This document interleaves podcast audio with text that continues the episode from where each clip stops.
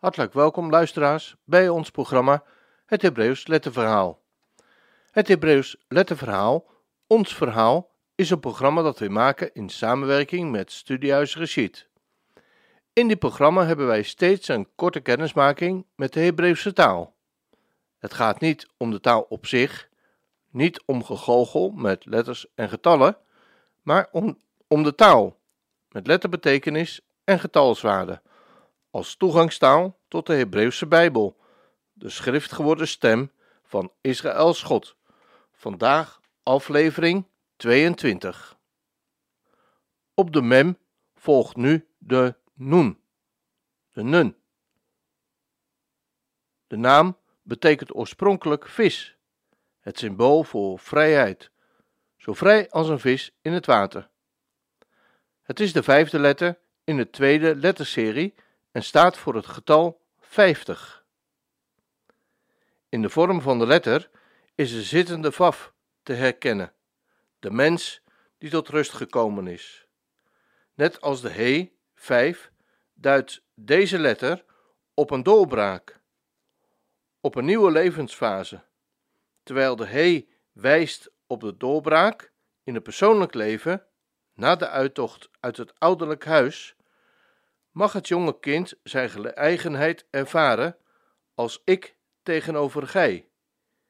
Ik persoonlijk word geroepen om te beantwoorden aan mijn unieke bestemming en duidt deze letter op een nieuwe fase in de volkssamenleving.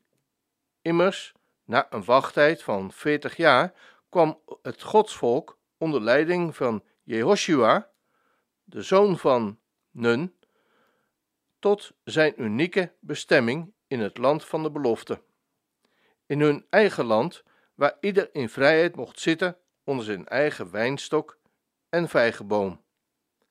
Na eeuwen van loonslavernij en verdrukking in de Egyptische systeemstaat en na jaren van ontheemd zijn en ontberingen in de woestijn, werd het volk binnengeleid in het land van de vrijheid, maar ook in het land van de directe verantwoordelijkheid tegenover zijn schepper en bevrijder.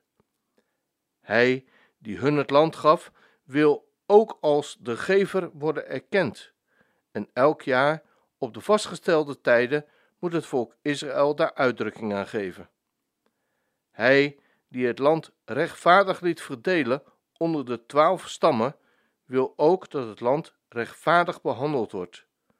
Elk zevende jaar moeten de schulden worden kwijtgescholden. Elk vijftigste jaar, elk nunjaar, dat is jubeljaar, moet het land worden herverdeeld, zodat de armen weer hun grond in bezit krijgen en zij daarmee tot hun recht kunnen komen. Er is ook verband tussen de nun en de get, tussen 50 en 8. Zoals 8 volgt op 7, volgt 50 op 7 maal 7.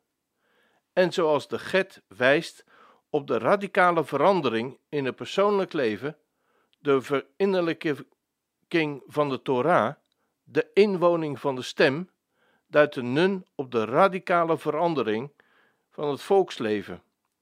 Een vrije samenleving, in verantwoordelijkheid aan de Allerhoogste, samen vormen deze twee de kernletters voor het woord gen. Verrassing, onverwachte wending, genade, waarvan ook het Jiddische gein is afgeleid. De getalswaarde van het woord gen is 58. Dit is het getal van de genade, van de verrassende wending. Merkwaardig dat de 58ste eeuw dat is van 1940 tot 2040, ook de eeuw is van de grote historische verrassing. De Messiaanse eeuw, waarin het Messiaanse volk tot zijn bestemming komt in het beloofde land. Aan het eind van een woord heeft de nun, zoals we al eerder vaststelden bij het woord, een andere vorm. Dan heeft de vaf geen zittende houding, maar gaat hij recht naar beneden als een tentpin de aarde in. De getalswaarde van het woord gen, verrassing, genade, het getal 58, is in de Hebreeuwse traditie verbonden met de Messiaanse 58ste eeuw, de tijd dat God zijn volk genadig zal zijn, en zal verrassen als in de dagen van Jehoshua. Het is schokkend om vast te stellen dat volgens de Joodse kalender de 58ste eeuw begon in 1940, in het jaar 5700, in het diepste donker van Israëls geschiedenis. Zoals God zijn schepping begon vanuit de nacht. Het was avond geweest en morgen, zoals we lezen in Genesis 1, vers 5, zo schiep hij vanuit de nacht van Dachau en Auschwitz de dag van Israëls verlossing. Als een verrassing mocht in het achtste jaar na het begin van de 58ste eeuw, in mei 1948, Israël uit het duister van ballingschap en dood opstaan en te midden van de volken verschijnen als een vrij volk in een eigen, zelfstandige staat in het aan de vaderen beloofde land. De terugkeer naar het beloofde land is een messiaans signaal voor de hele wereld. Eens komt voor alle volken het grote jubeljaar, waarin zij tot rust mogen komen en op de hun toebedeelde aarde in saamhorigheid met Gods eersteling, het Joodse volk. Immers, het beloofde land is wereldwijd. Het land Canaan is proefpolder, leerlanderij, voor herstel en heiliging van heel de aarde. Met een nun begint het woord nakam, wreken, vergelden. Een woord dat onlosmakelijk verbonden is met Israëls God. Een wreker is de Heere, zeer grimmig. Een wreker is de Heere voor zijn tegenstanders. Zo lezen we in Nahum 1 vers 2. Vaak wordt deze wrekende God van Israël gesteld tegenover de liefdevolle God, de liefdevolle God van het Nieuwe Testament. Deze tegenstelling tussen wet en evangelie is een giftige, satanische constructie die onnoemelijk veel leed heeft gebracht voor het Joodse volk.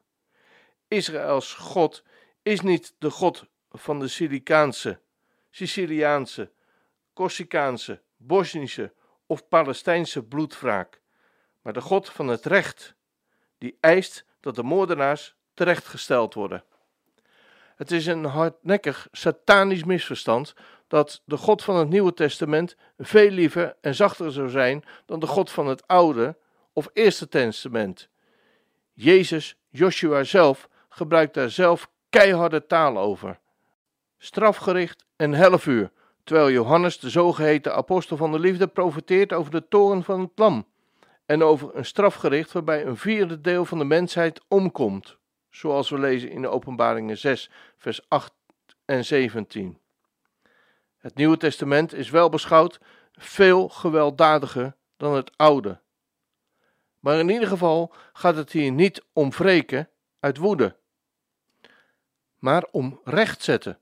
Als Israëls God het bloed van zijn knechten wreekt, zoals we lezen in Deuteronomium 32, vers 43, dan is hij niet als Lamech, die zijn woede koelt 70 maal 7 maal, zoals we lezen in Genesis 4, vers 2, 24.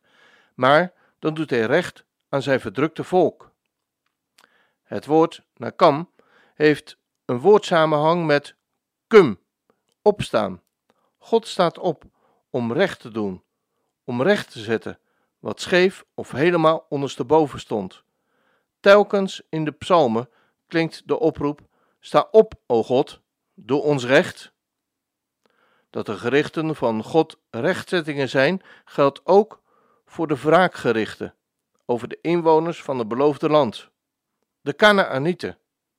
Na de verwoesting van de Canaanitische steden Sodom en Gomorra, wat onmiskenbaar een waarschuwingssignaal was, zo vergaat het ieder die eigen wegen gaat en de God van de schepper negeert, hadden de Canaanieten 400 jaar de tijd gekregen om zich te bekeren. Pas toen de maat van de hun ongerechtigheid vol was, Zoals we lezen in Genesis 15, vers 13 en 16, kwam God met zijn gerechtsdienaren onder leiding van Jozua. De radicale verwoesting van Jericho, de poort tot het beloofde land, was een laatste, vergeefse oproep tot ommekeer. Er is ook een woordverband tussen Nakam, wreken, opstaan en rechtzetten, en Nagam, troosten. De belofte van de komende rechtzettingen van God is voor het godsvolk een bemoediging tijdens de verdrukking. Eens komen er andere tijden. Eens zal God recht doen, aan alle tranen afwissen. Maar soms is zelfs bij de martelaren in de hemel het geduld op. Tot hoe lang, o heilige en waarachtige Heerser, oordeelt en wreekt gij ons bloed niet aan hen die op de aarde wonen? Zo lezen we in Openbaringen 6, vers 10. Tot zover aflevering 22. Mocht u meer willen weten of geïnteresseerd zijn in meer informatie over de Hebreeuwse taal, dan verwijzen wij u graag naar de website van Studiehuis Rashid www.studiehuisrashid.nl U vindt daar alle benodigde informatie om op een heel toegankelijke manier kennis te maken met het Hebreeuws. Nieuwe afleveringen van dit programma vinden plaats op maandag, woensdag en vrijdagmiddag om 3 uur.